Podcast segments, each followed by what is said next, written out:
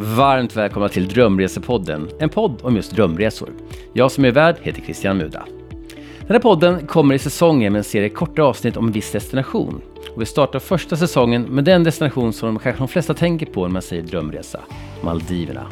När passar du resa dit? Vilken av alla öar ska man välja? Vad kostar en semester på Maldiverna och hur är maten där? Och gör man på dagarna? Ja, alla de här frågorna och många fler kommer vi svara på i en serie korta avsnitt om Maldiverna. I detta avsnitt av Drömresepodden har vi med en gäst som är en av de svenskar som varit oftast i Maldiverna, tror jag. Varmt välkommen till Drömresepodden Lena Skogström som driver One of You, ett företag som representerar hotell runt om i världen, bland annat Maldiverna. Hej Lena! Hej! Kul att ha dig med här. Vad är din relation till Maldiverna? Ja, jag har haft förmånen att få jobba med Maldiverna i över 40 år och eh, har då gjort i egenskap att representera fantastiska hotell på de olika öarna. Så att eh, jag har faktiskt i hela mitt vuxna liv jobbat med att representera hotell på Maldiverna. Så roligt. Hur många gånger har du blivit så att du har rest till Maldiverna? Ja, det är nog ett 60-tal gånger om jag räknar med liksom alldeles i början också. Och det ska man väl göra. Ja, men verkligen. När var början? När var första gången du var där? Eh, jag var stationerad på Sri Lanka, för detta Ceylon, eh, som reseledare för ett reseföretag som hette Club 33. Jag var klubbvärd och det företaget ägdes av Vingresor, nuvarande Ving. Och eh, vi hade då DC-8 som trafikerade Sri Lanka varje vecka och precis den här vevan runt 74, 75, 76 så erbjöd också vi våra kunder eller gäster resor till Maldiverna. Och det var naturligtvis otroligt exotiskt att få, få uppleva det eh, när jag var där nere. Mm, mm. Och första gången jag var där var alltså oktober 1976. Och det var så, är bland de första personerna som åkte till Maldiverna som, som, som svensk? Ja, nästan var det väl så. De allra första gästerna kom ner 1972 och det var faktiskt svenskar med vingresor och eh, schweiziska Koni. Så att eh, det var väl väldigt mycket i allra första början och eh, Vingresor hade då en väldigt populär ö som hette Korumba ja, som blev väldigt välkänd. Mm, hur var det på Maldiverna då, på 70-talet? Nej men det var ju otroligt exotiskt. Jag kommer ihåg som barn att jag såg eh, Villevalle i Söderhavet och sen dess har jag alltid haft en dröm om att få uppleva något liknande och eh, när jag landade då på huvudön eh, Hululu Airport eh, så blev jag hämtad med båt för att resa till eh, den ön som då var Klubb 33-ön som hette Kudahura. Och det tog väl en båtresa på ungefär modiga en och en halv timme och jag tyckte det var otroligt exotiskt. Se de här vita, kritvita stränderna och det blåa havet och eh, gå på sanden som var sval. Och det var en upplevelse för att just korallsand koncentrerar ingen värme. Mm. Så den är alltid sval. Och det är magiskt. Jag är så nyfiken på hur var det på Maldiverna på den tiden? Hur var maten till exempel? Eh, men det var väldigt basic alltid. Vi åt fisk till lunch, fisk till middag, fisk till mellanmål, eh, ris, kokt ris, frukt, eh, ananas och banan från Sri Lanka. Och på den här tiden så torkade man fisken ungefär som vår lutfisk. Mm. Och det var enda sättet att bevara och förvara fisken. Så att den fick man då lägga i vatten och sen gjorde man currys på det här. Då. Currys är inte kryddan curry utan currys är ju då smårätter. Mm, så mm. ris och smårätter och det blev väl lite tjatigt där i längden med all fisk och, och ris. Eh, men eh, det var ändå väldigt exotiskt alltihopa. Man var ju ett med havet och jag jobbade där i tre månader och man gick ju barfota och i sarong hela dagarna och eh, solen var stark, det här ligger ju nästan vid ekvatorn. Och man levde ju i havet fem sex timmar om dagen och snorkla. Och just där stoppar ni huvudet i ett akvarium och ser dessa fantastiska korallfiskar, alla färger, hajar, allting som bara var en enorm upplevelse och det var nästan så att det kändes att man fick simhud mellan tårna. Mm, Boots var ju inte aktuellt när man kom hem sedan, det gick ju inte. men, men om när gick Maldiverna från att vara en sån här ganska enkel destination som låter ju som det man såg i Thailand på 90-talet ungefär, men när blev Maldiverna ett mer lyxigt resmål då? Ja, ungefär 25 år sedan så introducerade Soneva Fushi det som kallas för barfotalyx. De myntade det begreppet. Och då började man eh, mer och mer bygga hus utav, eh, utav eh, eh, palmerna, palmkronorna. Man flätade blad till tak, man eh, använde mer och mer lokala material och tack och lov så försvann plasten och eh, vaxdukarna.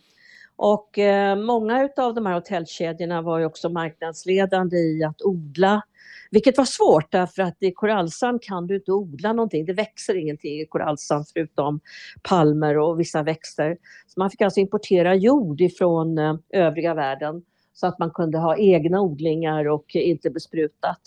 Och då började man successivt eh, få bättre och bättre kvalitet. Man tog in gästkockar från Dubai och från Singapore och Italien. Och allting måste importeras, därav är Maldiverna ett av de absolut dyraste resmålen i världen. Allt måste importeras, det är från Singapore och Dubai och eh, Italien. Så att idag är ju, eh, du har ju Guide Michelin-krogar på Maldiverna, du har fantastiskt högt stående kök så att man har verkligen tagit det till sig och i år firar man också 50-årsjubileum som destination. Alltså från det att första turisterna kom dit 1972. Mm. Och man har tagit till sig, man har ingen annan näring utan turismen är den största näringen. Precis, och om man tänker sig Maldiverna som destination då, om du skulle ge en liten överblick över liksom hur det ser ut, vart, hur tar man sig till Maldiverna från Sverige, hur många liksom atoller och öar finns det, hur många av dem man bor på, lite så övergripande? Ja, lättast att ta sig från Sverige är ju då med eh, flygbolagen Emirates, eh, Qatar och eh, de flyger via då Doha och Dubai. Eh, och det är ganska smidigt att ta sig dit, sex timmar till eh, Dubai och Doha och sen fyra och en halv timme över till Maldiverna. Och då landar man på ön Mahé, Male, förlåt, eh, och den är då huvudön. Men själva Maldiverna består utav eh, 1200 öar varav det är 26 atoller och det är ungefär en 200 stycken som är bebodda och befolkningen uppskattas till ungefär ja, nästan 400 000. Och dessa, varje, och, varje hotell har en egen ö på Maldiverna? Ja, det är en ö, ett hotell. Mm. Och varje atoll har sin atollhövding. Och varje ö har sin öhövding. Och de här två då utses av presidenten att sköta öns ekonomi och handelsvaror. Som jag sa så är ju då turismen den största eh, inkomstkällan, men förr i tiden då alltså på på 1500-talet och framåt eh, så var det ju kaurisnäckor. Man handlade med kaurisnäckor som man tog upp ifrån havet och då var Maldiverna en ganska stor handelsplats just för att få, få Eh, varor från övriga världen. Och Maldiverna ligger också väldigt strategiskt till för, för olika eh, fart, alltså överfarter i, in i Sydostasien. Och jag vet till exempel eh, när portugiserna befolkade Maldiverna på 1500-talet så var de på väg till dåvarande Ceylon idag, som heter Sri Lanka. Då navigerade man fel och kom till Maldiverna istället och då koloniserade man det under 1500-talet, en kortare period. Just det, så att väldigt många öar och hur ska man då liksom, om man inte varit på Maldiverna, hur ska man välja vilken ö man ska åka till tycker du? Har du några favoriter som du liksom verkligen rekommenderar alla som liksom funderar på Maldiverna? Ja, nu, tar, nu måste jag få tala lite grann i egen sak. Jag eh, representerar Crown and Champa som har sin lilla historia därför att 1976 så träffade jag en man som hette Afif och han var då springpojke till eh, huvudchefen på ön och eh, var då allmän, eh, ja, behjälplig. Mm. Och då lärde vi känna varandra och eh, vi har hållit kontakten under alla år och för tre år sedan så kontaktas jag av Afif och vi inledde en arbetsrelation så jag representerar tio stycken öar på Maldiverna varav två är ganska kända. Den ena heter, Corum, eh, eh, den ena heter Corredo mm. som har funnits länge och sålts av researrangörer i hela Norden och den andra heter Horavali som har en känd undervattensrestaurang som ligger 5,8 meter under vattnet. Men för att välja rätt ö, dels så måste man lägga en budget. Eh, det är dyrt på Maldiverna jag föredrar ofta att, eh, att rekommendera all inclusive. Vill man ha ett glas vin eller köpa en flaska vin till middagen så är det ganska dyrt. Man får räkna med att en flaska vin kostar 1200 kronor, en öl 150 kronor. Mm. Så att då kan det vara bra att ha all inclusive för att allting är i dollar. Mm, mm. Mm. Så, så de öarna är eh, dina, är dina favoriter då, för de som har, har budget?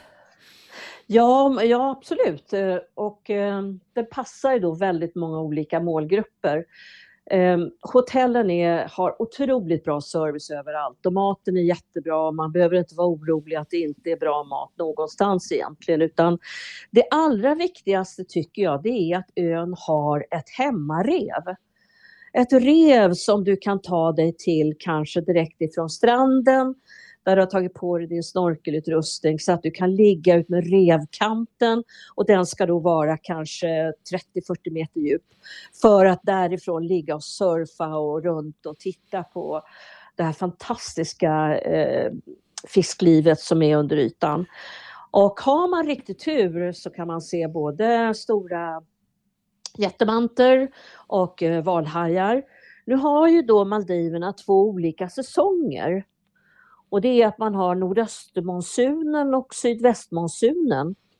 Och eh, nordvästmonsunen pågår november till mars och det gör att vädret är soligt och torrt. Mm. Medan sydvästmonsunen som pågår från maj till september gör vädret lite regnigt.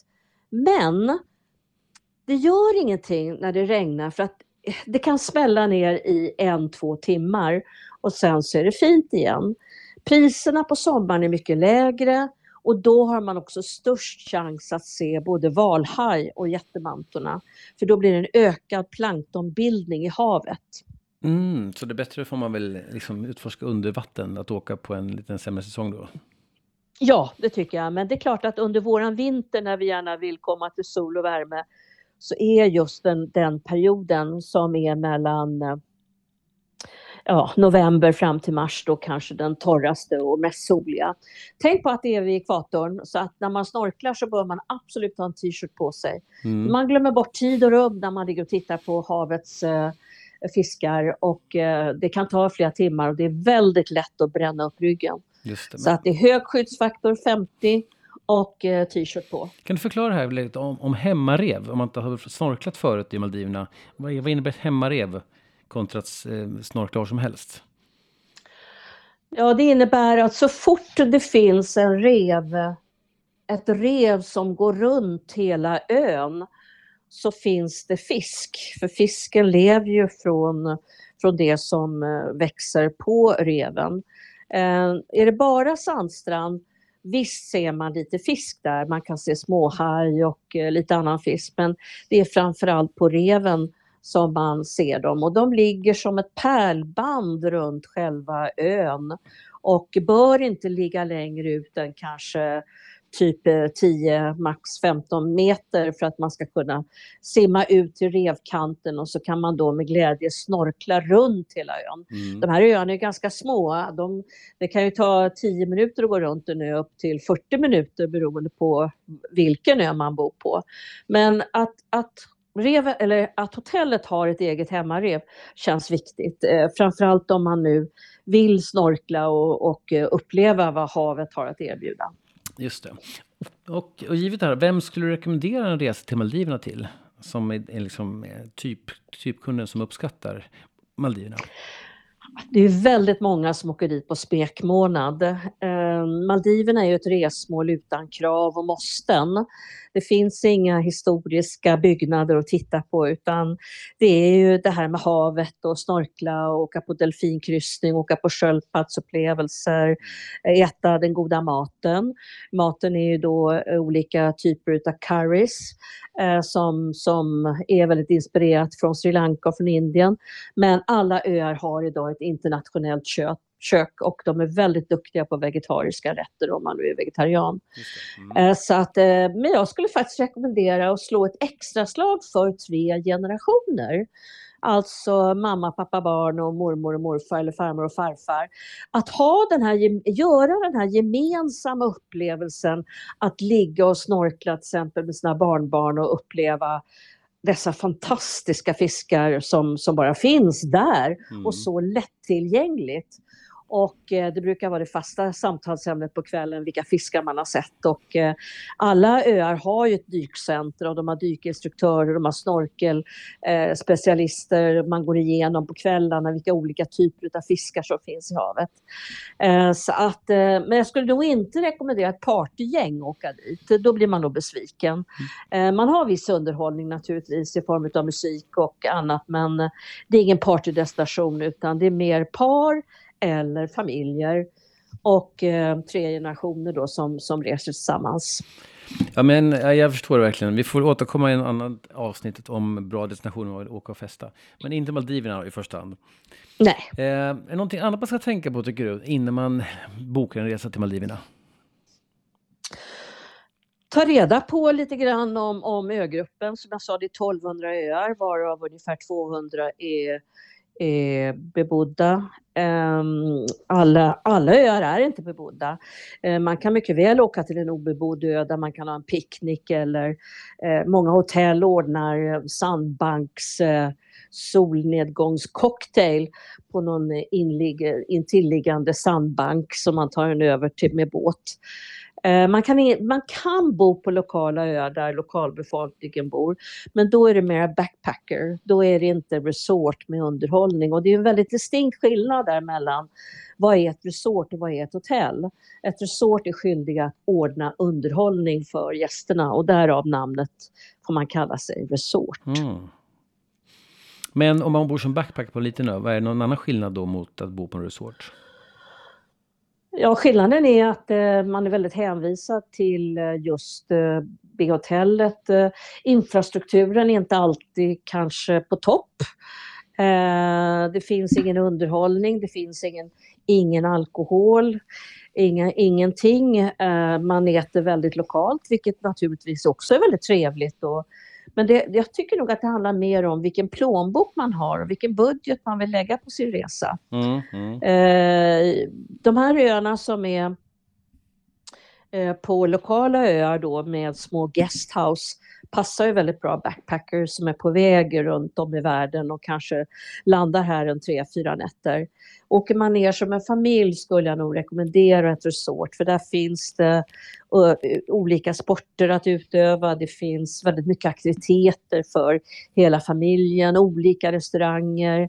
De har bra spa, de har bra sport, de har bra eh, träningsfaciliteter så att eh, det är lite grann vilket behov man har. Mm. En sak som jag har tänkt på det är det här med att huruvida man kan åka båt eller måste ta flyg till sin ö från Male.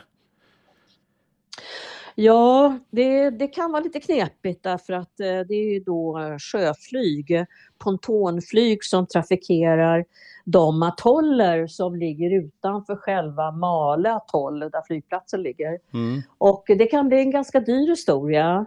Eh, De här sportflygen kostar ungefär en 40 470 dollar per person tur och retur. Och det är nästan som en, som en flygbiljett i sig. Mm. Eh, bor man i Mala atoll så kommer man oftast undan med en speedboat som kanske ligger på 50 dollar. Mm. Eh, där, men därmed sagt skulle jag nog inte heller rekommendera att bo för nära eh, Male som är själva huvudstaden för att där är det mycket flyg, flygtrafik, eh, det är mycket ljus ifrån staden och det tar bort lite grann utav den här paradisiska känslan att vara i middle of nowhere. Mm, mm. Så att inte för nära Male, men vill man liksom spara in på flygkostnaden på plats så kan man bo liksom ändå i Male-atollen. Ja, det kan man Ehm. göra och ju längre ut i atollen ju bättre. Så att eh, ungefär en 40 minuters resa skulle jag tro med båt eh, gör att eh, man inte störs av flyg eller, eller, eller ljus från andra öar. Just det. Och vill man åka dit så kan man åka högsäsong november till mars, men man kan även åka övriga delar på året om man kommer ner i pris.